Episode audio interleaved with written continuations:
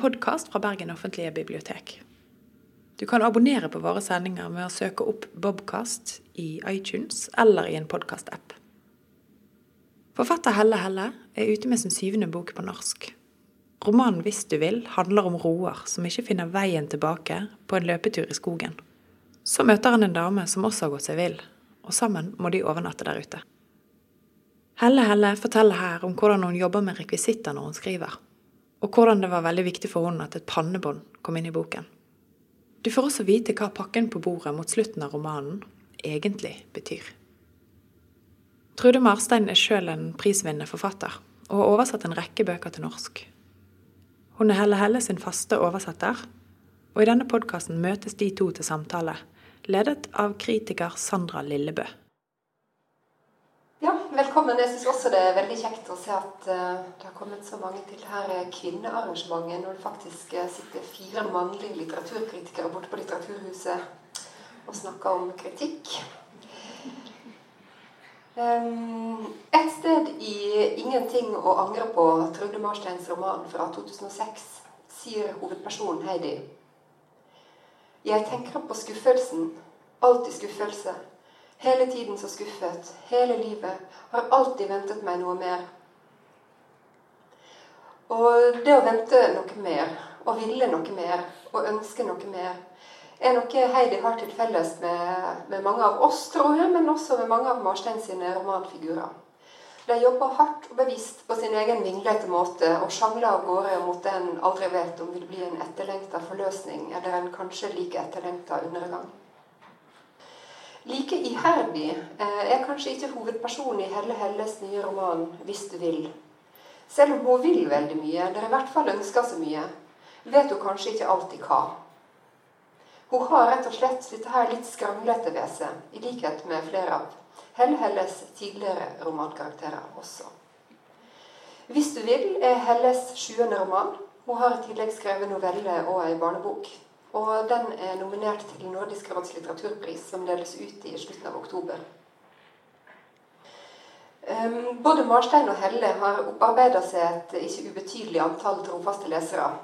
De har mottatt en rekke priser men viktigst av alt skriver de begge så nådeløst at det effektivt fjerner enhver lesers ønske om selv en gang å befinne seg sjøl beskrevet i ei bok. Her duver utrente legger rett som det mot buksestoffet. Livet ditt skjer mens toget går forbi. Og hvis du ikke er verdig, kan det godt være at den eksklusive vinen du har i glasset, blir blanda ut med noe litt mindre dyrt når du et øyeblikk ser bort. Men jeg tenkte at vi kunne begynne med 'Hvis du vil', Eh, og snakke litt om den. For fortellerstemma i denne romanen her tilhører Roar, 48 år, som løper seg vill i skogen. Yeah. Og der møter en ti år yngre kvinne. Um, og gjennom det døgnet som skal gå inntil de treffer sivilisasjonen igjen, så får vi rulle opp deres bakgrunnshistorie, uh, men særlig hennes. Mm. Mm. Um, og jeg tenkte på det at, mens jeg leste denne boka, at, at det er noe med det her å jogge seg vill i en skog i treningstøy som ikke helt passer, med to sko av ulik størrelse, at det sier noe veldig treffende om den samtida vi lever i i dag. Om vår lykke og velstand og vår ulykke.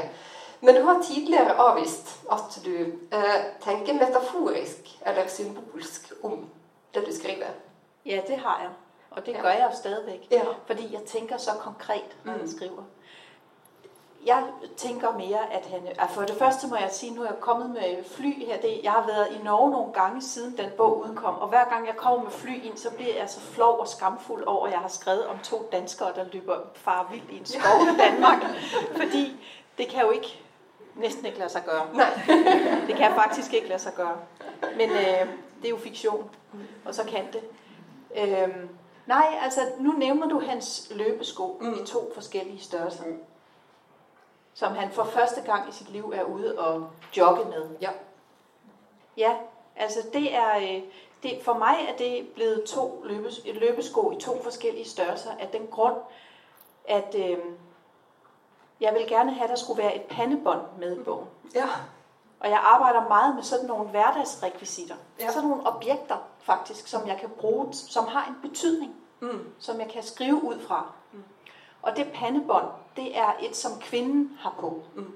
Og det er et særligt pandebånd for hende. For hun har fået det af sin, af sin stedsøn, hedder det det på norsk. Ja. Af sin kærestes søn, som hun har været meget glad for. Hun har ham ikke mere, den dreng. For hun har ikke længere faren, hun er ikke kæreste med hans far mere. Så, så øh, bogen handler egentlig om det også, om bagved, om at kærlighed til et barn, som ikke er ens eget.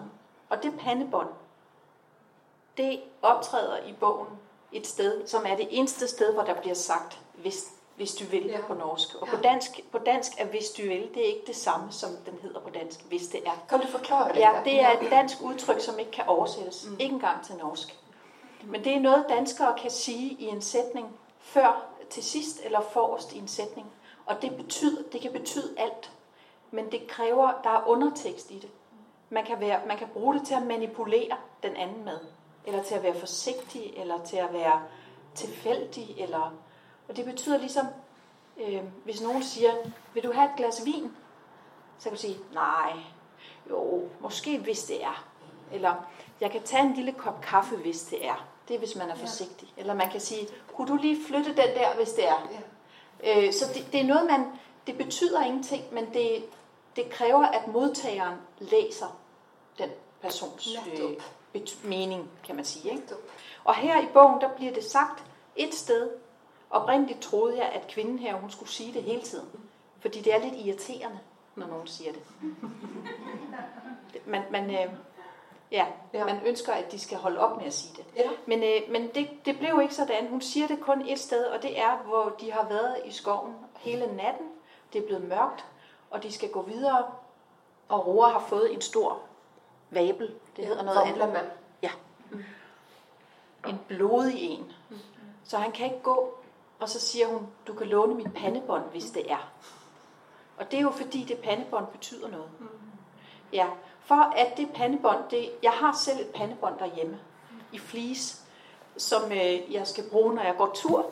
Så jeg afprøv, min mand viklede det omkring min egen fod, så vi kunne se, det er ret svært at få et ben med et pandebånd ned i skoen. Øh, og det er det, de skal bruge den til, ligesom at vikle hans fod i. Og derfor måtte jeg gøre skoene i to forskellige størrelser, for ellers var der ikke plads til et pandebånd. Og så, så det er ikke sådan en, en, en kritik af vores kultur, hvad kan man sige, vores liv og samfund på den måde, det er. Men, men det er det jo selvfølgelig på en måde alligevel. For eksempel, men, men jeg tænker det, jeg tænker det mere som, som øh, altså jeg interesserer mig jo for de mennesker, der er i bøgerne, for de personer og den måde, de betragter og bliver betragtet på i den verden, de er. Og det er klart, det siger noget om en mand, hvis han om alle andre altid tænker, de andre. De andre siger. Altså, i stedet for at have navne på ja. de andre. Ja. Ja. Kan du ikke læse lidt fra bogen? Ja. Vi har aftalt, at jeg skal læse et øh, lille stykke fra, ganske kort fra, de ligger om, de finder en shelter. Det hedder en uh, på dansk. Det er, ikke, det er noget moderne og nyt i Danmark med sådan nogle shelters. Så vi har ikke sådan nogle ord. Der er, vi har bare importeret det engelske ord. Det er fordi, der er jo ikke rigtig behov for shelter i Danmark. Men øh, nu er det blevet så moderne. Og de har fundet en, som de sover i, og så er der en lille dialog. Øh, du er der ikke fra Jylland, siger hun. Hun har let efter sit tykkegummi nogen tid. Sulten nager os. Ved siden af tøjforretningen, hvor hun arbejder, ligger et pizzeria, hvor de også laver bagte sandwiches. Med skinke eller kylling, tomat og rød peber, men det bedste er gorgonzola-dressingen. Rygtet om den har bredt sig så langt som til ty. Nej, jeg er fra Hundi, siger jeg. Okay, Hundi, siger hun, og lyser med mobilen under tæppet. Det glimter i en refleks dernede. Hvordan er der der? Nu lyser hun ned i sin halsåbning. Stille og roligt, siger jeg. Det er ikke et udtryk, jeg plejer at benytte mig af. Oven i købet fortsætter jeg. Der er mange grønne områder. Det er en god ting, også hvis du skal ud og løbe. Nej, jeg giver op. Måske har du tabt det, da du hentede vand. Øv. Hun sukker, slukker mobilen, læner sig tungt tilbage. Hvor tit løber du, siger jeg. Hver anden dag, jeg har tabt 12 kilo siden december. Det var meget. Jeg mangler stadig syv, men faktisk er det ikke så meget derfor, jeg løber. Hvorfor så? Det er det mentale. Det er godt for mig at være ude. Der er også flot heroppe. Det er der virkelig. Alene lyset. Så knurrer vores maver for skudt. Hun løfter tæppet igen. Nu tiger I stille. Lidt senere siger hun, ej, jeg har stadig en del fedt i fordybningerne. Der går et stykke tid, hvor vi ikke siger noget. Det føles naturligt, som at vente hos lægen eller i et buskur. Hver sidder med sit. Lyde undslipper os på skift. Knitren i nylonbesætninger, snyft, gulvet knager. Men hvorfor er du her så, siger hun. Jeg har været på seminar med mit arbejde. Hvad laver du? Løbesko. Det er løgn. Ja. Haha, siger hun. Nej, jeg står for et kontor. Hvordan det står for et kontor? Der er en åbningstid, og så kan de ansatte komme med deres PC'er, når der er noget i vejen. Så reparerer jeg dem, hvis jeg kan. Det hedder drop-it-shoppen. Det må være en stor virksomhed, hvis de har sådan et kontor. Det er det også. Også når de sender jer på seminar. Hvordan var det? Stille og roligt, siger jeg igen. Uvist hvorfor. Okay, siger hun, og et øjeblik efter. Skal vi dele det sidste vand? Hun roder efter flasken. Der er kun en lille mundfuld tilbage til hver. Noget knaser i den. Tusen takk. Um, øhm, så I den scenen her så øh, der befinner jo disse to hovedpersonene seg uh, i skogen. Og begynner jo selvfølgelig å, mm. å, å, snakke sammen.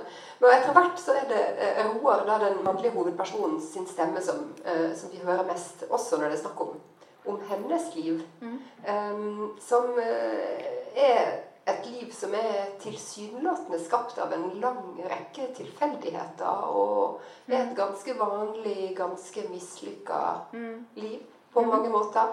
Um, hva tror du, har du, har du liksom, Hadde du klart for deg eh, hva hun ville tenkt om det livet som Roar forteller? Hva jeg hadde tenkt ja, så, om det? Ja, altså Om hun hadde hørt den gjenfortellinga eller lest ja, den gjenfortellinga altså, her? Jeg, jeg tenkte det kan godt være, jeg svarer på noget andet, du spørger om nu, mm. hvis jeg ikke helt forstår det. Øhm, ja, for mig var det et af de store eksperimenter ved den her roman. Om jeg kunne skrive jeg-fortælleren næsten ud af bogen. Ja. Mm. Øh, sådan at hun, kvinden inde i midten, pludselig tager over med sin historie, men den bliver fortalt igennem ham. Ja. Det er ham, der det er hans synsvinkel. Så jeg opfatter egentlig denne roman som hendes historie, den minder om mange af mine tidligere bøger faktisk. Mm. Med sådan nogle kvinder, der venter. Ja. Ikke? Stille eksistenser ja. ude i provinsen, som sidder bag et vindue og kigger ud. Mens togene kører og sådan noget. Og så tænkte jeg, at øh, imens det skete, så blev det næsten sådan, at, at jeg skrev, altså at denne bog er endt med at blive sådan en roman, der ligner mine andre romaner, men pakket ind i noget andet. Mm. Og jeg vil egentlig, det, det der sker, jeg, jeg havde faktisk skrevet to kapitler også om Roars liv. Men dem måtte jeg fjerne, for det virker bedre, når der næsten ikke står noget om ham. Og det er jo meget mærkeligt, at jeg fortæller næsten ikke siger noget om sig selv. Mm. Øhm, allermest var jeg inspireret af en bog, som intet øh, minder om min måde at skrive på. Og det var, fordi jeg genlæste, på grund af filmatiseringen, genlæste jeg Scott Fitzgerald's The Great Gatsby. Ja. Og den er også ligesom, den er jo helt meget forskellig fra det her. Men den er også blandt andet karakteriseret ved, at den mandlige hovedperson fortæller meget lidt om sig selv. Og det, jeg synes var allers virke, det, der virkede allerstærkest på mm. mig, det var, at han, man fornemmer, at der har været et stort kærlighedsforhold engang i fortiden, i hans mm. fortid. Mm. Men det eneste, der står om den kærlighed, det er erindringen om en kvindes svedige overleve her, efter en tennismatch. Altså, øh, og, og, og det huggede jeg til bogen her. Og så, det var som om, da jeg læste den, så tænkte jeg, kan jeg gøre det, at jeg næsten ikke siger noget om ham? Og hvad, hvad sker der så ved det? Kan man læse det? Mm. Og derfor måtte kvinden tage over på den måde også. Fordi det, at han, det er jo så ham, der fortæller om mm. hendes liv, hvor ja. hun venter. Ikke? Ja. Det vil sige, det at tale om andre, er jo også en måde at tale om sig selv på. Og det er det, han gør, og det er det, man gør, når man skriver også. Ja. Ja. Men det er jo også det, altså, det kan jo hende at jeg tenkte bare fordi at jeg visste at jeg skulle intervjue dere om det her. Men jeg tenkte at det er jo noe som skjer hele tida, også særlig ingenting ja. å angre på. Mm. Ja, Så jeg bare lurte på, var det et triks som du hadde plukka opp fra Trude sin bok? Mm. Ja, det kan da godt være. Ja. at jeg har taget, jeg har hugget det fra deg. Nei, men i hvert fall at, at, uh, at dette her med at, uh, å få livet sitt gjenfortalt på en måte ja, av, av, andre. da. Mm. Ja. At det er to ulike perspektiv som brytes mot hverandre. Ja. Mm. På en noe annen måte. Ja. Mm. ja, måske har jeg taget det der fra Trude. Mm. Ja. Det har jeg slet ikke tenkt på. Ja, det, det, det sker jo nemt, at man kommer til at tage ting fra hinanden. Ja. Man skal være meget varsom. Ja. ja. um, uh, men kritikere har jo skrevet at uh, Helle Hell har perfeksjonert sin særart, uh, sær, særegne stil, er det det heter, i den boka. Hva tenker du, Trude Barstein, uh, som er typisk Helle Hellesk med 'hvis det er'? Uh, nei, denne strukturen er jo helt ny. Mm. Og den uh, stusset jeg en del over. Ja. Um, og ehm, uh, syns vel både at den gir noe mer med dette andre perspektivet. Og dette, jeg syns det er noe veldig fascinerende ved å klare å la han tre såpass klart fram med så utrolig mye, uh, samtidig som vi vet så lite om han. Så jeg syns det er veldig interessant å høre at Helle har skrevet to kapitler som hun har strøket. For jeg tenker at det også kanskje var en måte å bli kjent med ham på, og gjøre at de, det lille du skriver om han er mer ja, er det som skal til for at mhm. han skal tre fram. Uh, ellers så ligner, ligner uh, denne tredjepersons altså den kvinnelige hovedpersonen, som jo er hovedpersonen, hun minner om tidligere Helle-figurer. Mm. veldig fascinerende. Denne sånn intens tafatthet og eh, sårbarhet og altså en, en, vilje til å oppnå og utrette noe. Men det er som om de primærbehovene ikke er dekket. Altså det, det, de basale sosiale behovene, trygghet og det å bli anerkjent. At, at, eh, og at det også er en uro og kanskje borte Jeg er veldig glad for at ordet angst aldri nevnes i de bøkene. Men jeg tror en del av de er bortimot angstridde. Ja. Eh, men eh, de vil ikke selv kalle det det. De, mm. ja. de, gjør så godt de kan. De prøver å få til, uh, få til tilværelsen. Ja. Uh, ja, jeg vet ikke ja. jeg egentlig svarer på spørsmålet. Jo, egentlig veldig godt. Um, men altså, du har jo faktisk oversatt alle romanene til Helle Helle til mm. norsk. Um, altså, hva var det som fascinerte deg med eller Kan du si litt om hvordan, hvorfor begynte du å gjøre det, egentlig? Og, um, jeg ble spurt om det, og da ble jeg nok spurt mye fordi forlaget tenkte at jeg var beslektet med henne. Ja. Mm. Uh, og jeg tror, altså, Vi skriver både veldig forskjellig, men jeg føler meg veldig beslekta med henne. Ja. også kjenner meg veldig igjen i uh, I det hele tatt jeg er veldig begeistra for, for ja. bøkene hennes. Ja. Uh, og det er vel Så jeg blir overraska over at jeg ser at jeg selv Uh, egentlig så vil jeg, vil jeg, skrive mer som Helle. Det med å ikke skrive om følelser. Ikke la dem føle ja. så mye. Ja. Uh, og likevel få fram så mye som, som uh, hun gjør. Mm. Men jeg vil så gerne skrive som Trude. Ja. Fordi, men, og så tenker jeg på en måte er det litt det samme alligevel. Fordi du skriver du skriver så meget, og du kommer omkring det hele tiden på så mange måder, hvordan noget føles og hvordan det er, og alligevel står det der ikke. Alligevel, alligevel står, de, det står der ikke alligevel. Mm. Du, det fylder bare mere, men det virker så dragende, når man læser det. Øh, så jeg bliver, når jeg læser dine bøger, altid så, så skamfuld over den måde, jeg selv forkorter på fordi, fordi det andet, det er... Øh, det andet bliver helt mæstende nogle gange. Altså, at man, man øh, ja. Og så tænker jeg også på, undskyld, jeg afbryder. Nej, det er helt fint. Nå, men altså, det, det der med, at, øh, at, at den bog om min kvinde inde i midten minder om andre af mine bøger. Ikke? Mm. Og det er jo det samme med dine bøger. Der er også nogle måder at være i verden på, mm. som går igen, mm. og nogle temaer, der går igen og sådan mm. noget. Ikke? Og, og på en måde prøver man jo hele tiden at undslippe det. Mm. Altså at gøre noget nyt. Mm. Ja. Og på en måde var den bog også en, et forsøg på et opgør med mm. den type kvinder, som jeg altid ja. ville skrive om. Ja. Men det kunne jeg ikke. Så nu må jeg ligesom pakke det ind og holde det væk fra mig. Ikke? Ja. Øhm, Snakker dere sammen i oversettelsesprosessen? Jobber dere sammen da? Jeg pleier å stille Helle noen spørsmål på ja. slutten. Du sender noen få spørsmål til ja. som alltid er riktig gode. Ja. ja.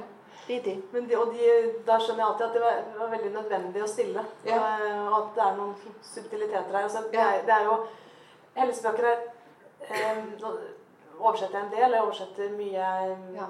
ikke liker så godt, og mye jeg liker godt. Men ja. eh, ofte så er det sånn at jo bedre bøkene er, jo vanskeligere er de å oversette. Ja. Og sånn er det ikke med Helle. De er veldig lette å oversette. Okay. Bortsett fra at jeg må passe på å ikke la de små uklarhetene passere. Og da stille spørsmål sånn at jeg får um, de små språklige altså Nå er jo dansk eh, relativt lett å oversette fra. Ja, Men det noen, det har jeg lyst til å spørre om også, er det noen fallgruver i det? I at dansk ligger såpass tett opp til norsk? Som, eller, eller er det kun en fordel? Eh, det er jo i hovedsak en fordel, men ja. det er jo noen fallgrupper etter hvert. Nå har jeg oversatt så mange bøker fra dansk, så da kan jeg de fleste av dem. Ja. Men det er selvfølgelig en fare både det at mye er jo gangbart på norsk, men blir arkaisk. Men så er det også en fare det at alt skal, at man skal oversette det som ikke trengs å oversettes. Mm. Ja. Men i det hele taget, så er det så ubegripeligt, at det kan lade sig gøre at oversætte. Og det er jo også det samme fra dansk til norsk, at der er utrolig meget betydning i, på hver side på dansk, som ikke kan oversættes. Men så finder du på noget, du gør det alligevel, og så sker der noget andet. Jeg ved ikke, øh, vi tænker generelt jo alt for lidt på oversættere, når vi læser i vores små sprogområder her. Ikke? Fordi en bog, der er oversat, den er jo, den er jo lige så meget oversætteren, som den er forfatterens. Ja. Men får du lyst noen ganger å gjøre prosjekter til dine? Hvis at, uh, å skrive videre på hennes roman og la deg føle litt mer? Og... Det der med å stjele. Men ja. da tenker jeg at så lenge, så lenge en bok er utgitt, så er det bare å stjele. Og ja. hvis den faren blir Det vil i så fall falle tilbake på meg. Det vil ikke gå utover helgen hvis det vises. Uh, så det er også fordelen med det å jobbe så tett med Altså, bøkene hennes er jo de er veldig enkle. Så jeg sa, de er lett ja. å oversette. De er um, enkle og rett fram i språket. De har um, ikke kompliserte metaforer osv. Mm. Uh, men så er det jo, når jeg da leser dem så mange ganger som jeg må gjøre når jeg oversetter, så, så, dukker det jo stadig opp små ting. Og det er liksom sammenhengen mellom tingene. Jeg sier heller at hun ikke bruker metaforer og symboler. Og det, ja. uh, det er jo helt sant, og det er jo veldig, veldig bra, syns jeg. jeg ikke noe glad i symboler og syns det ville være, være, katastrofalt hvis disse tingene gjenstandene sto som symboler. Mm. Men så får de likevel en funksjon som det. Og jeg ja. tenker også at det er noe med forfatterens erfaring og intuisjon og evner som forfatter, rett og slett. Som det der at man merker hva som stemmer, og hva som ikke stemmer. Hva som passer og ikke passer. Mm. Uh, hva, uh, hvilke detaljer som hører hjemme, og hvilke som skal tas ut. Ja. Uh, og dermed så glir de to skoene i forskjellige størrelser og I tillegg til at de har en praktisk funksjon. Men så er det eh, ja, for det er jo, detaljene er jo veldig vesentlige i Helles bøker, syns jeg. Ja. Da, og de står aldri som symboler, men de får likevel en, en uh, ja, en, sånn, en, funksjon som de skaper liv, og de skaper uh, sammenheng mellom de forskjellige delene. Jeg syns i hvert fall at det er veldig lett å se det som symbolsk. Ja, ja, men problemet med symboler, det er jo at symboler, som jeg opfatter det, er noget, der står i stedet for noget andet. Ja. ja. Så hvis jeg skriver pandebånd, så skulle det stå i stedet for noget andet. Ja. Men jeg tænker, at pandebåndet, det har rigtig mange betydninger. Mm. Det har mange betydninger i bogen, mm. og det har mange betydninger for mig, når jeg vælger at bruge det. Mm. Øhm, men det står ikke i stedet for noget andet. Mm. Giver det mening? Ja, det er det. Ja. Jeg bare lurte på, Trude, Oppdager du noe om, om Helle Helle sine skriveprosesser? Du, altså, dere skriver jo på en veldig forskjellig måte. Mm. Um, og Vi har jo vært inne på dette her nå, at dere har karakterer begge to som, uh, som kan ligne hverandre fra den ene boka uh, til, uh, til, den andre. Um, oppdager du noen at, ja, jeg vet ikke, noen sånne tekniske ting som forfatter som du ser liksom at hun jobber faktisk frem det stoffet her på den måten her, eller ja. ja. Ja, det kan jeg. Eh, det er jo det vanskeligste Altså, jeg sliter veldig med å komme i gang. Da kan jeg f.eks. se på Helle hvordan hun kan Helt sånn elementært hvordan hun kan dele inn eh, kapitler. Eh, ja. Skifte mellom fortid og nåtid. Mm. Om hun velger å beskrive nåtidsplanet i presens eller preteritum. Mm førsteperson tredjeperson. Altså alle sånne tekniske ting som jeg syns er eh, som jeg aldri altså jeg synes er like uforståelig og vanskelig å forholde meg til når jeg skal skrive roman. Ja. Um, og den klarheten, altså den, den klarheten i alle Helles bøker er jo ikke enkel i det hele tatt. Det er jo, eh, vil jeg tro, veldig vanskelig å skrive seg fram til eller komme fram til de valgene. Mm. Det opplever jeg i hvert fall selv. Mm. Stryker du mye når du skriver? Er det sånn at du skriver mye og stryker Nei. etter hvert? Nei. Nei. Det, er ikke på, nei, det gør jeg faktisk ikke. Øh, nu tog jeg de to kapitler derud, men, men ja. øh, nej, jeg bytter mere rundt på ordene og, okay. og skriver et lille ord mere til og fjerner i det osv., mm. men jeg er helt enig med, med Trude i, at som jeg forstår det, I taler om, det, altså, jeg forstår det godt, men ja. der jeg kan tage lidt fejl, at noget af det sværeste, når man går i gang med at skrive, det er faktisk valget, som skal det være nutid eller datid, og hvordan gør jeg det? Og det kan også være, hvordan, hvordan får jeg sagt, at min fortæller er en mand? for eksempel. Ja. Mm. Det, det, det vil man jo gerne gøre elegant. Ja. Men, og og det, det, det er så irriterende at læse en roman, hvor man kan mærke, det er klodset skrevet. Mm. Eller hvordan får man sagt, hvad nogen hedder? Hvad mm. deres navn er? Ja. Kan man gøre det på en elegant måde? Mm. Og det, sådan noget kan komme til at afgøre, hvordan en roman den bliver. Mm.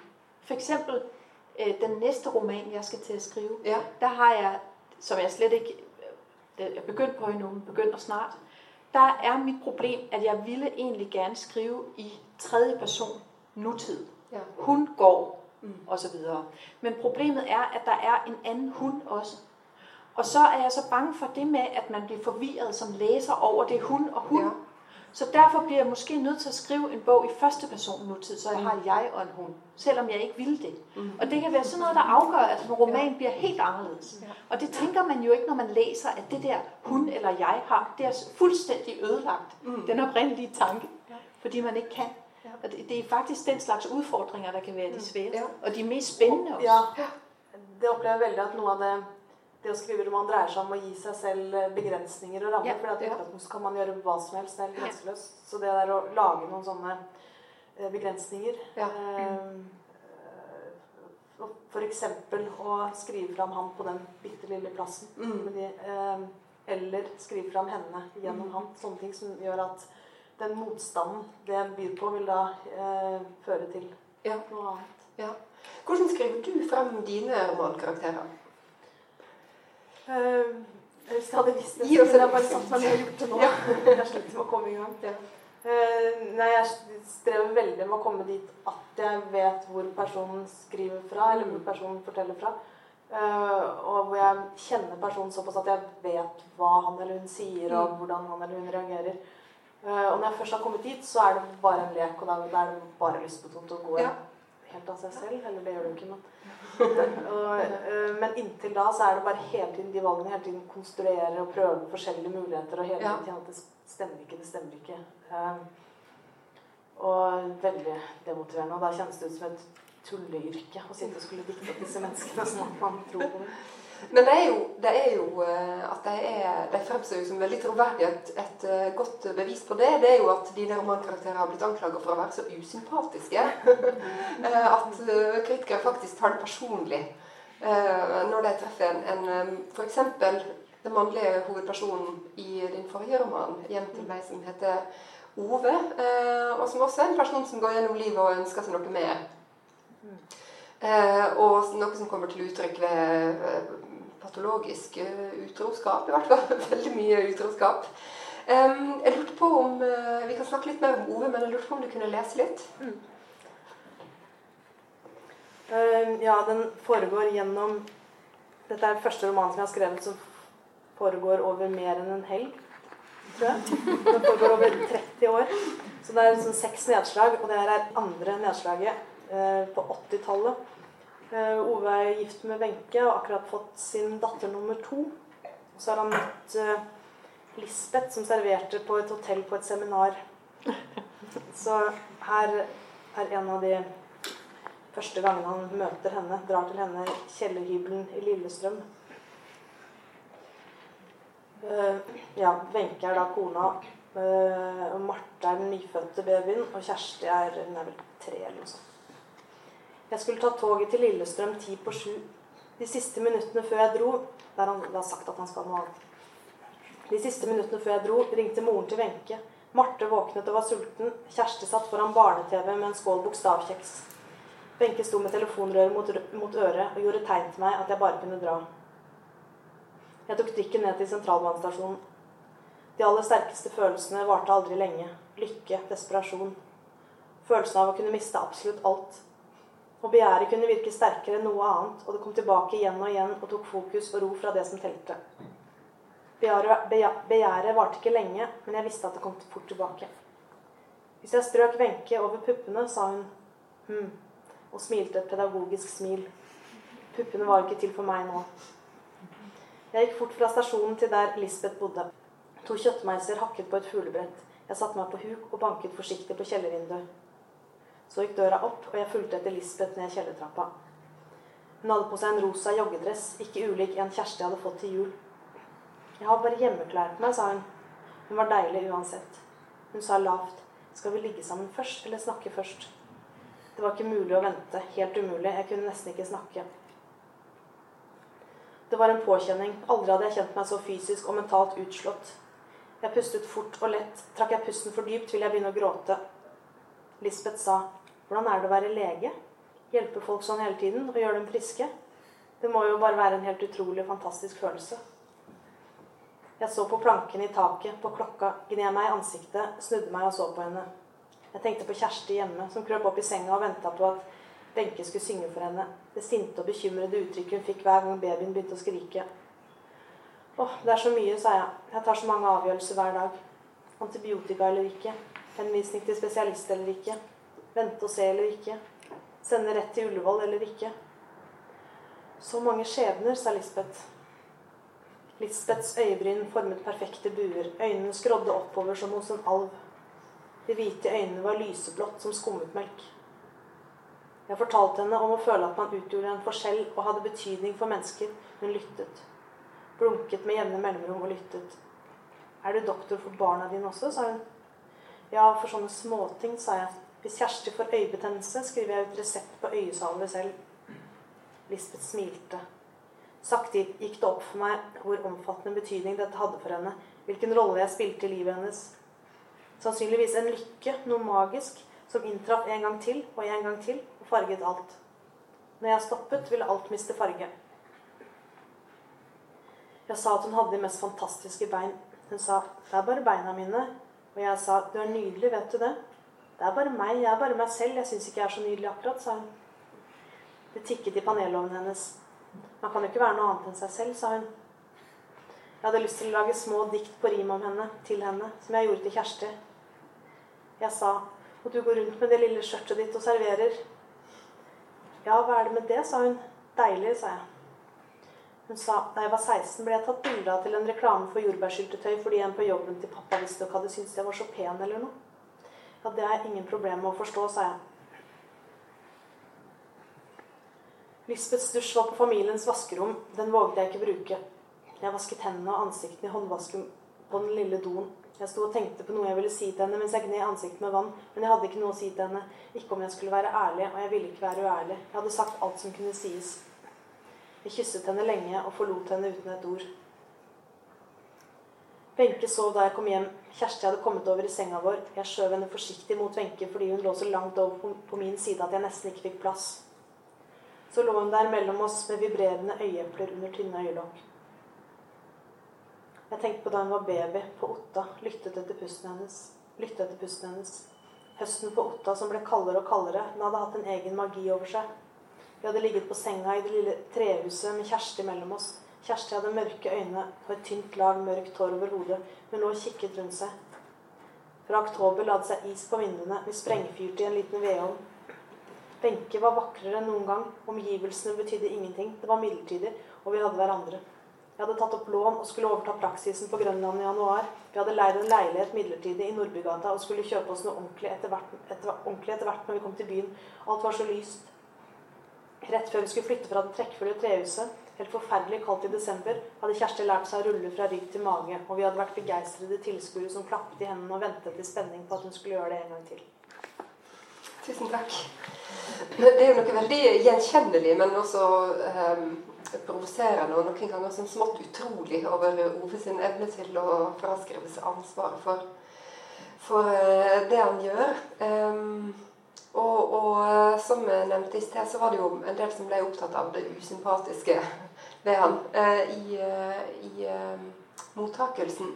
Eh, jeg lurer egentlig på to ting. Altså, følte du liksom at du måtte forsvare ham? Eh, og så lurer jeg på eh, Er man avhengig av som forfatter å like sine romankarakterer for å kunne skrive om dem? Jeg tror ikke jeg gjør meg opp noe mening om hvorvidt jeg liker dem eller ikke. Jeg, mm. prøver, altså, jeg må ha den der avstanden hvor de er uh, Ja, og jeg, jeg, jeg, ikke vurderer hva de gjør. Og, og um, Nei, jeg tror ikke jeg tenker Men jeg, altså, jeg må jo jeg må ha empati med dem.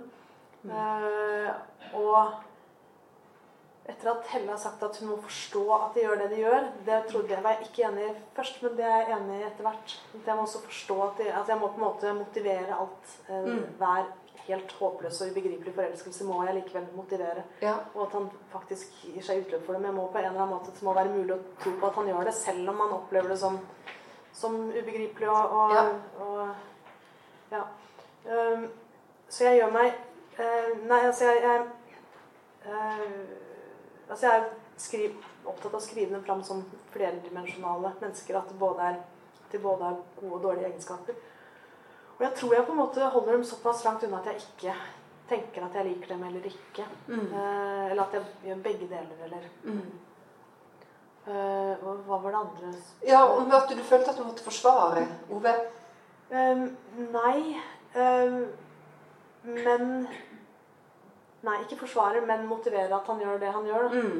Uh, for det noe av det viktigste for meg er at jeg ikke skal altså verken forsvare dem eller dømme dem. Mm. At, de skal, at jeg har ikke noe med det å gjøre. på en At, jeg, okay. at mine meninger og ja. holdninger skal ikke synes i teksten. Og ja. de bruker jeg ikke noe tid på. Så jeg, jeg, jeg, jeg, tror ikke jeg er helt klar over hva jeg selv syns om det de gjør underveis heller. Det er mer at jeg bare lar ja. Mm. Mm. Altså, jeg syns faktisk at Ove er sympatisk. Ja, interessant. Øh, ja, men det synes jeg, fordi han virker, øh, han, fordi jeg tror så meget på ham.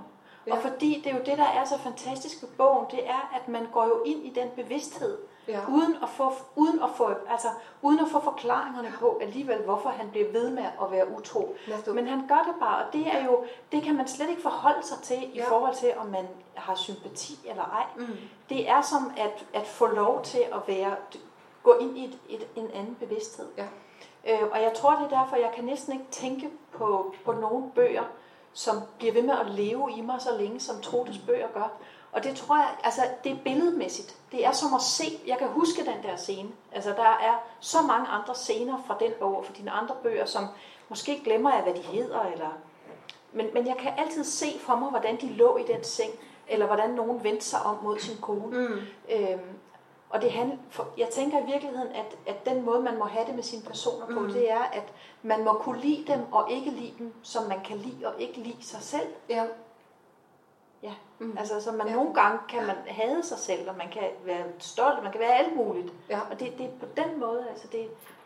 Altså, jeg tror, jeg skriver, jeg på, både på en måte gå ind i Ove og se med hans øjne, og øh, være forelsket i disse kvinderne hans. Mm. Øh, og samtidig må Ove også være en jeg kunne forelske i de stundene. Så det er en sånn ja, både stå utenfor og inni. Og, og, og ja. i tillegg så må jeg også stå helt på armlengdes avstand. Det er den der mm. balansen mellom distanse og nærhet som jeg mm. jobber veldig Men man får ja. jo også ondt af ham, ikke? Altså ja, ja, med, når han har det der langvarige forhold til skuespiller ind ja. der, ikke? Den stakkels mand, der skal Ja, det er ja. Absolutt. ja.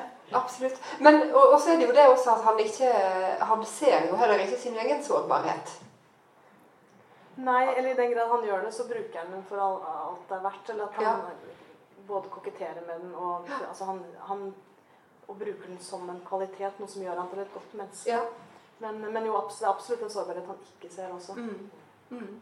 Um, altså en annen ting som dere har felles, er at dere er ikke voldsomt opptatt av slike freudianske typer forklaringer av, uh, her, uh, av familiehemmeligheter som ligger bak uh, som en slags nøkkel til hele historien. Um, vi får vite veldig lite om bakgrunnen til um, mange av romankarakterene deres. Det er veldig rett på. Jeg merker at jeg får altså Helle er, Helles person har nesten ikke foreldre. Det syns jeg er veldig fascinerende. Mm, ja. Uh, det, det, men, men, mine også. Men jeg merker at så fort jeg begynner å Altså, jeg har noen barndomsminner.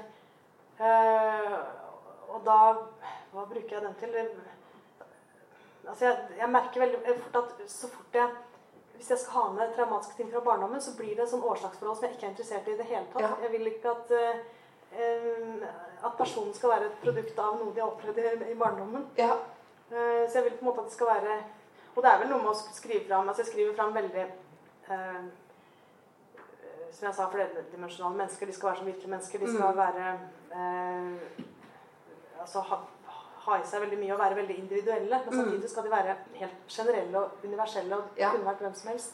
Og da er sånne barndomsopplevelser veldig så, så i den grad jeg bruker foreldre og bruker barndomsopplevelser, så, Mm. så bruker jeg det på samme måte som ting som skjer i nåtida. Bare sånn, ja, eller, minst mulig vekt på det. Ja. Men er det ikke også fordi, at man skal hele tiden... Altså det, det at skrive handler jo om hele tiden at finde veje udenom klichéerne. Ja. Og problemet med at bruge en traumatiseret barndom til at forklare en måde at handle Ja. på hos det voksne menneske, man skriver om, det, har meget, det kan meget nemt komme Ja. til at læne sig op af nogle klichéer. Så har man pludselig et barn, der er ødelagt, Ikke ikke? sant? og så ser man den voksne, og det er på en måde hurtigt overstået.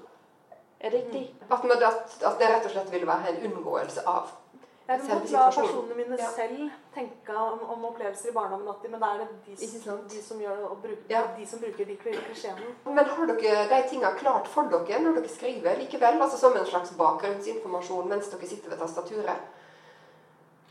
Eller, eller er det helt likegyldig? De tingene jeg har klart for meg Altså, altså Ja, har, du en, en, har du en idé om hvorfor Ove har blitt til den han, blitt, han har blitt, f.eks.? Nei. Nei. Det har jeg ikke. Men det var en anmeldelse som prøvde å finne Som greide å finne en årsaksforklaring. Om at faren var faren bygde, nei, Det var et eller annet med terrassen på hytta hvor faren virka dominerende. eller et eller annet sånt. Ja. Og, og så er det en scene, men den ble ikke nevnt. Men da kan man selvfølgelig lese den altså hvor Ove er hjemme hos faren og, og skrur inn et sånn håndtak i dusjen. Altså hvor Ja. er gammel. Så da kan man selvfølgelig lese inn noe hevn eller Men, um, men de, i den grad jeg er klar over sånne ting, og det er jeg stadig større grad jo Ja.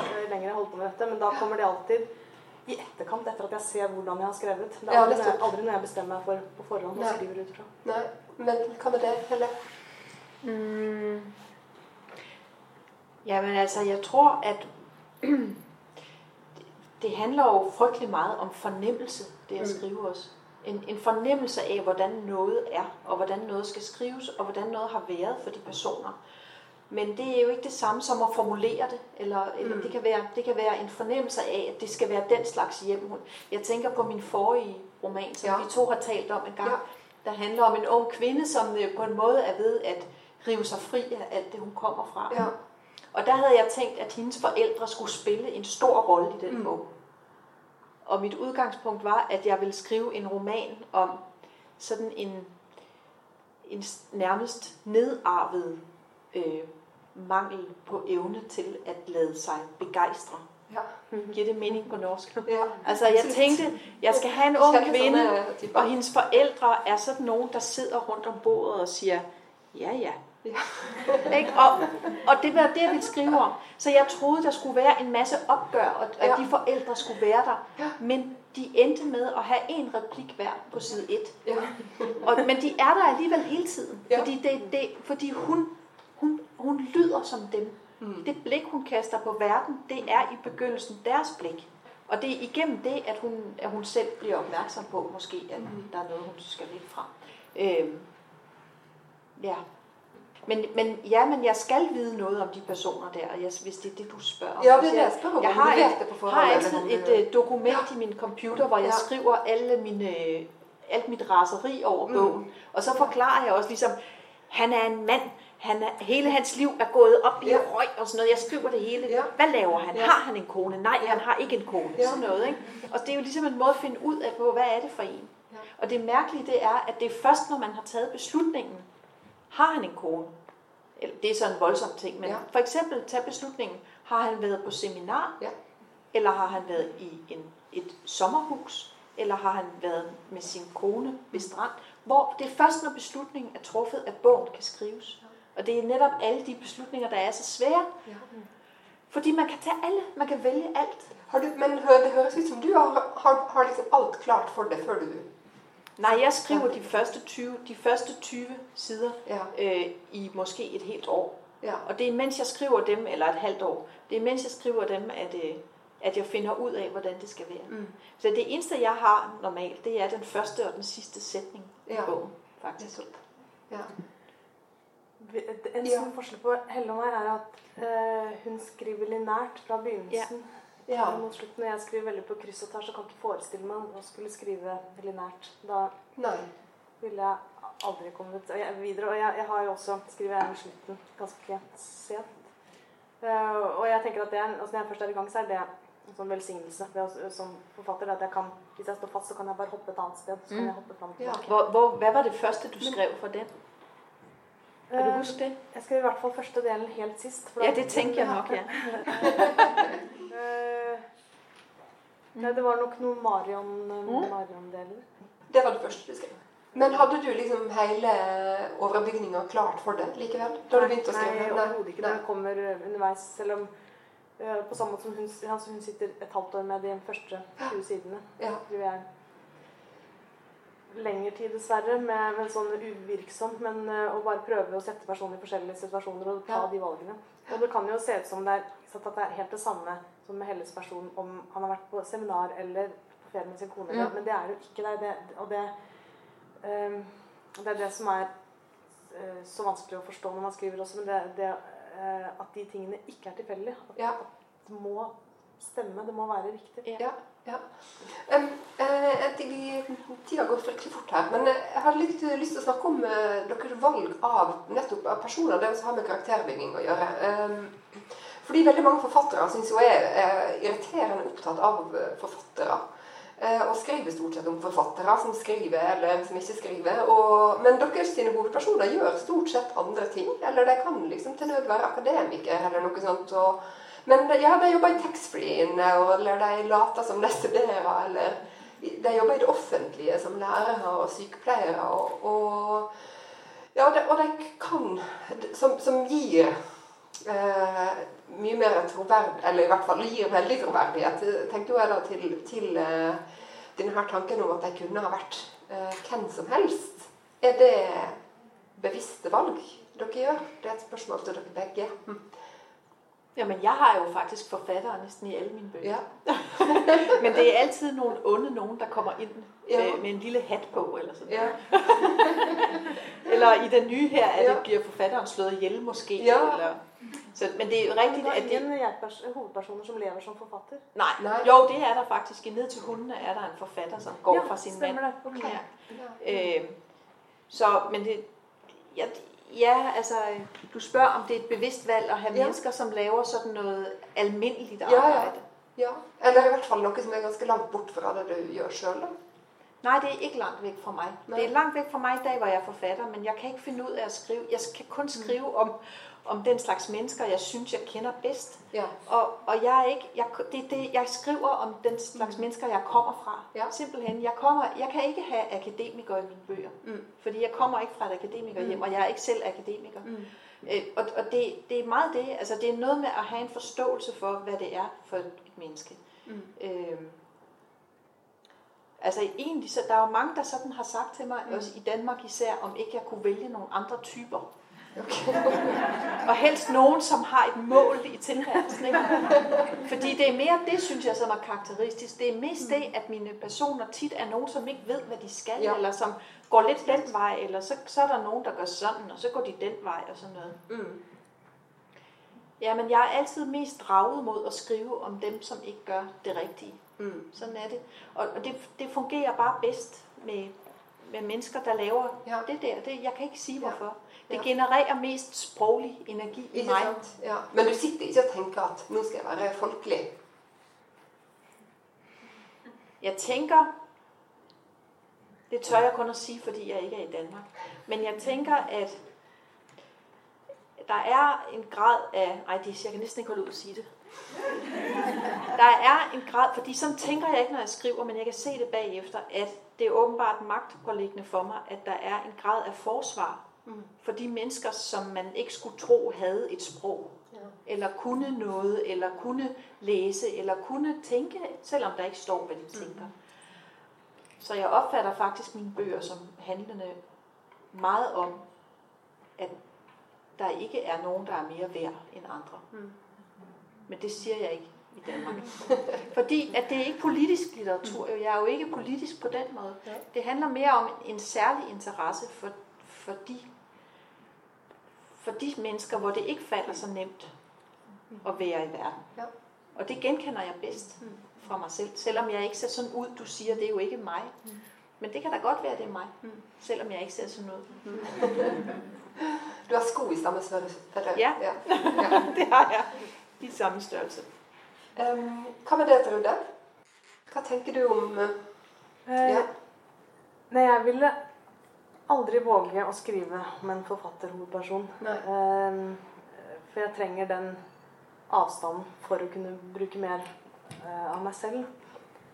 Uh, og, og, det merket jeg veldig tydelig med min andre og tredje bok. Den andre boka er med en um, kvinnelig jeg-person i slutten av 20-årene, som jeg var da. Uh, og tredje bok er en mann i begynnelsen av 50-årene. Arkitekt i en småby. Uh, og jeg kunne bruke så utrolig mye mer av meg selv og slappe så mye mer av da jeg skrev om Hans på 51. Uh, eh, den, og, og, også noe med å få en sånn gratis fremmedhet. Så jeg syns i det hele tatt mine kvinnelige hovedpersoner blir mer pappfigurer. For jeg blir så opptatt av den distansen. Jeg er så redd for at folk skal mistenke meg for å skrive om meg selv. Sånn at jeg da ja, det, tar de mye lenger bort, altså litt sånn tvunget bort fra meg selv. Uh, så jeg, Det er også grunnen til at jeg liker veldig godt å ha mannlig hovedperson. Men med yrke så er det også helt umulig for meg å gi dem et yrke som jeg ikke veit noe om. Men, og det er veldig viktig at, at jeg kan ikke begynne med å gi en person et yrke. Yrket må komme etter at jeg kjenner personen. Mm. Når jeg først kjenner personen, så kan man ha hvilket yrke som helst, nesten. For da blir det bare sånn rekvisitt putte inn litt her og der. Ja. Og som er lege, da brukte jeg mye mm. lommelegen på nett. Bare å ha konsultasjoner, rett og slett. Og så moren min sykepleier og faren min lege. Så jeg uh, stilte en del ringte moren min veldig ofte og stilte ja. spørsmål. Ja. Uh, så jeg gjør minst mulig research, men jeg, og passer på da ikke bruke det jeg har tilegnet meg kunnskap for å bruke det, men bare ha det aller nødvendigste. Og når jeg først har levd meg inn i Ove, så kan han drive med hva som helst, og jeg kan leve meg inn i det. Ja. Nei, for, fordi det, det lurer på, da, om, om det har noen, eller tror dere at det har noen betydning for at dere er såpass godt likt, eller så bredt likt? Eller at, at så mange vil lese bøkene? At det jeg vil jo ja. protestere mot det. Da. Jeg syns overhodet ikke at jeg er bredt likt, eller at mange leser bøkene mine i det hele tatt. Man går og venter på at det skal skje. Ja. I Danmark er det. Ja. ja. Ja, det er svært at svare på. Jeg synes faktisk, altså, for jeg tænker for mit vedkommende, at jeg er så forundret over, at der er, at, at der kan være læsere, på en måde. Mm. Altså mange, eller det ved jeg ikke, men for jeg synes egentlig, at mine bøger, de er lidt... Øh, jeg synes ikke, de er så let tilgængelige, selvom mm. det ser sådan ud, faktisk. Nej. Jeg har aldrig tænkt, at jeg vil få mange læsere, for mm. eksempel. Mm. Men, men nu i dag, så tænker jeg alligevel, jo, selvfølgelig, fordi læsere kan også meget mere, end man tror, måske. Mm. Altså, jeg, jeg ser egentlig også, øh, nu spørger du om det, om der er en forfatter ja. der ikke er forfatter med. Og jeg har en forfatter med i en af bøgerne, i dem alle sammen, fordi mine bøger er også en slags meta-eksperimenter faktisk. Altså, ja. der, der er tit en overbygning, der handler om, at hvordan de er skrevet som bog. Mm. Altså, at det, det er også en vigtig del for mig, at der er det eksperiment til stede. Mm. Fordi jeg synes, at litteratur er så... Øh, det virker stærkest, når man på en gang kan blive helt absorberet af det, man læser, og samtidig øh, træde tilbage og tænke, men det er jo fiktion. Altså at det spil finder sted, at man ved, man læser en fiktion, men man går ind i den, og man går ud af den. Ja. Og det er det, der er så spændende at skrive når man, at gøre. Ikke? Ja. Og det er jo sådan set ret krævende ja. også. Ja. Og det, det tror jeg, mange læsere også ja. kan. Ja. Mm. Så øh, ja. Mm. Hva slags forhold har dere til leserne deres? Får dere mye tilbakemeldinger fra, som ikke er fra en kritiker eller en forfatterkollega, men som Får dere mange henvendelser fra folk som har lest? Mm, ikke mye. Jeg er veldig glad for de jeg får. Ja. Eh, men jo, det hender. Det er jo, nå etter at jeg kom på Facebook, så hender det at jeg får en ja. melding der. Ja. Uh, ellers så har jeg nok tenkt litt sånn at jeg, at jeg har vært litt sånn forfatter-forfatter. At jeg, mm. jeg, har fått mye fra kolleger og sånn. Ja. Og det vil jo virkelig ha flere lesere enn en fra andre. Ja. holdt jeg på å si. Mm. Hva med det, Helle? Du, får du mye tilbakemeldinger fra Ja, det gør jeg, og det opfatter jeg som det største privilegie ved at skrive bøger. Det er, at man kan faktisk møde læsere ja. og få de spørgsmål og henvendelser. Det vil jeg sige, for jeg synes, det har tvunget mig til at finde på nogle svar. Ja. Og det er ikke sikkert, de svar, de passer. Nej. Og nu har vi siddet og talt her, og det er også lidt sådan, at hver gang der er sådan en samtale, så man svarer jo efter bedste evne. Ja. Men, men der er også rigtig meget ved det at skrive, som er gådefuldt ja. som man ikke husker. Så man, når man har skrevet bogen, kan man ikke huske, hvordan det var, før man skrev den. Mm. Og så finder jeg nogle gange på et svar, som jeg tror passer. Men det er ikke sandheden, men det ligner sandheden. Mm. Og de svar er ligesom nødt til at komme, når der er nogen, der spørger. Så det med læsere, det betyder rigtig meget. Også fordi, at det har været en mulighed for mig for at leve som forfatter i Danmark ved at tage ud og holde foredrag, for eksempel ja. på skoler og sådan, ikke? Ja. om at der ikke er symboler ja. og den slags. Så stiller de spørgsmål, og så finder man på et svar. Og så bliver man langsomt klogere og bedre til at være til stede. Ja. ja. Vi har tid til et par spørgsmål her også, så kan øh, forfatterne finde på noen svar.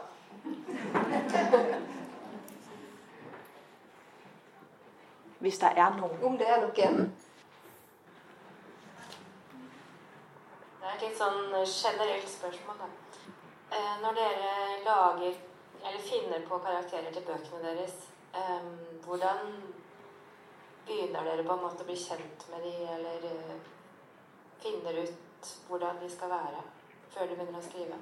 Eller begynner dere bare å skrive med en gang?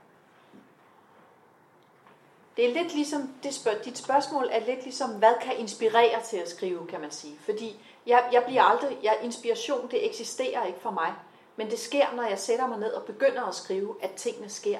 Og det er faktisk det samme med at finde på personerne, at det sker, mens det bliver skrevet. Så, øh, så, så det skal skrives frem. Jeg tror simpelthen ikke, man kan tænke sig frem til en roman. Det er, man, altså, hænderne er meget klogere end hovedet. Fordi de planer, man lægger med, alle kender det, at man har en plan om noget, man vil skrive. En, en, hvad som helst. En artikel, eller en opgave, eller et brev, eller en e-mail. Ikke? Og man ved, hvordan det skal lige føles og være. Men det kan hænderne ikke få gjort, og det bliver ikke lige så godt. Men så andre gange, der skriver man noget, man ikke havde planlagt, og så bliver det meget bedre. Og det er lidt det samme med personerne, at pludselig er de der, og det var ikke noget, der var tænkt. Og det kan være en lille detalje, det kan være en måde at se på en anden på, og så er den der. Og det er sådan, det er. Det skal skrives frem. Jeg kjenner meg veldig igjen i det. At det at jeg finner dem på mens jeg skriver. At jeg, når jeg begynner å skrive, så har jeg absolutt ingenting. Og det er annet enn gamle notater fra tidligere romanprosjekter. Så jeg tror nesten alltid at nye personer jeg skriver om, vil dukke opp fra noen gamle notater. Eller begynne der, i hvert fall. Men uh, så er mye og litt det å ha på skylapper og skrive uh, uten å se hvor uvedkommende og dårlig det er, det jeg skriver. Uh, og det er vel også en grunn til at altså Jeg har pleid å si at en av mine evner som forfatter er evnen til å skrive dårlig og høyvedkommende til, til, det begynner å bli noe interessant. Men jeg ser at det er vanskeligere og vanskeligere for hver bok. Jeg, og det der å lure seg selv til å tro at dette For jeg må på en måte lure meg selv til å skrive på tomgang før, før det begynner å bli noe. Og det er utrolig tungt. Å sitte og skrive dårlig. Ja. Ja, jeg har et spørsmål til deg, Helle. Eh, på slutten av eh, denne hoveddelen hvor Kvinn sitt liv er snakket om, eh, så er Kristians sin mor blitt syk. Og ja, så, og Magnus lurer på om hun blir frisk igjen. Ja, men så helt på slutten så spør kvinnen hva har du funnet på nå da, kjære? Og så eh, Ja. Hun ser at Kristian eh, har eh, lagt en helt flat pakke eh, med bånd på bordet. Eh, og jeg har lest dette her veldig mange ganger og prøvd å forstå hva mm. dette skal bety. Eh, for de har to forskjellige oppfatninger om hva dette her er. Så jeg bare lurer på om du kan kommentere, ja. for jeg klarer ikke å forstå det. Jeg forstår godt, du spørger om det. Min mor ringede også til mig og sagde, det der med den pakke der, hvad er det? Og min redaktør bad mig om at skrive det om. Men det er fordi, det er et af de steder i bogen, hvor jeg næsten ikke, næsten ikke siger noget om det, der sker. Så man kan godt tage fejl. Mm. Øhm, og i virkeligheden havde jeg tænkt, at med den her bog, der ville jeg ikke have så små virkemidler. Men jeg tror, jeg næsten er kommet til at lave endnu mindre virkemidler, end jeg plejer. Fordi det, der sker, det er, nu forklarer jeg det bare. Altså man kan jo ikke løbe efter sin bog og sige, hvordan den skal forstås. Men øhm, det, der sker, det er, at de har holdt børnefødselsdag for den lille dreng. Så der er flag og pakker og sådan noget over det hele. Og så, du ved, gavepapir, der ligger smidt på et bord. Hjemme hos os, der er min mand sådan en, der gemmer alt papir, gaver har været pakket ind i. Han sidder juleaften og folder det sammen, en gammel vane. Og så ligger der sådan nogle små flade pakker. Ja.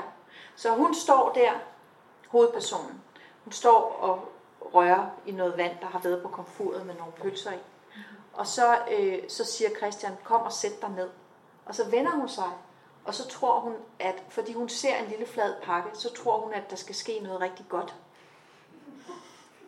Men det skal der ikke. For det var bare papir. Det var ikke noget med den pakke.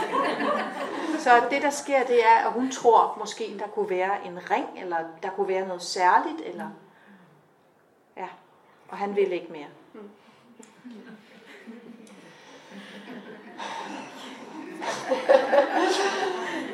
er det flere spørsmål? Vi rekker ett til. Kan vi runde av? Ja? Jeg syns veldig synd på ho hovedpersonen. Eller så jeg syns det er hovedpersonen i. Og eh, så prøver jeg jo alltid å tolke hvorfor syns jeg synd på henne. Er det en forklaring her? Og eh, jeg jobber som eh, ungdomsbibliotekar. Og i alle, i veldig mange eh, moderne ungdomsbøker så er de ulykkelige ungdommene de har dysfunksjonelle foreldre. Mm. Og så lurer jeg på eh, Det var jo jul i kollektivet. Det var ja. ingen så Hun hadde ingen å reise hjem til. Hun fikk ingen presang. Hen var familien. Hen var foreldrene.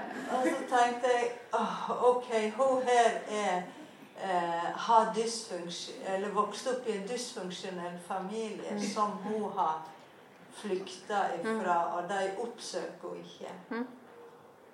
Men ja. jeg vet, altså Det, jeg, jeg det er fuldstændig rigtigt, hvordan... tolke ja. mer enn du kanskje vil at vi skal tolke. Nej, det må du gerne. Mm. Øhm, det, jeg tror, eller jeg ved, at det eneste, der står om hendes mor, det er, at hendes mor havde haft en vane med at skrive beskeder inde i køkkenrullen. Jeg ved ikke, hvad det hedder. Når man tager et stykke køkkenrulle, så havde hendes mor skrevet noget derinde.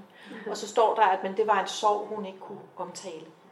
Så det, som jeg tænkte, jeg har ikke tænkt, jeg synes sådan set, at, at, øh, at kvinden er øh, velfungerende på mange måder. Men hun er lidt lammet, lidt handlingslammet. Og jeg synes, hun er mere velfungerende end roer som fortæller historien. Han er mere stiv i forhold til verden. Ikke? Øhm, men for mig, jeg, jeg har ikke tænkt, at hun kom, jeg har tænkt, at der har været tab og savn i det, hun kommer fra. Og det er klart, at det er virkelig en bog om nogle mennesker, der har det hårdt. Men det er det, der har haft det hårdt også. Men det er også fordi, at det jeg ville, det var, at jeg vil skrive en bog om at være alene. Jeg vil skrive en bog om, hvordan det er, når tiden bare er gået, og der ikke er kommet nogen, og man er alene stadigvæk. Men så lykkeligvis så endte den alligevel med at blive en bog om, at være, om ikke at være alene. Fordi de to, de er der sammen i den skov. Og det er ikke svar på dit spørgsmål. Men det er, lidt ligesom, det er lidt ligesom, at jeg vil aldrig tænke, at mine personer havde en depression, eller at de havde angst, eller at de... Jeg tænker, at det, der sker for dem, og det, der har været i den barndom, det behøver ikke at være så unormalt. Det kan være, at det ikke står der. Det, det, det er ikke nødvendigt, at det står der, fordi det er ikke noget... Det er ikke det, der har gjort det. Men, men måske er det nogle mennesker, som har flyttet sig rigtig meget fra det sted, altså som befinder sig et helt andet sted, end der, hvor de kom fra. Ja. Er det svar nok? Da må vi runde av. Um, Nordisk råds litteraturpris deles ut uh, 27.10, og da følger vi alle stemt med. Eh, tusen takk til Helle Helle, tusen takk til Trude Marstein, og tusen takk til alle som kom. Takk til deg.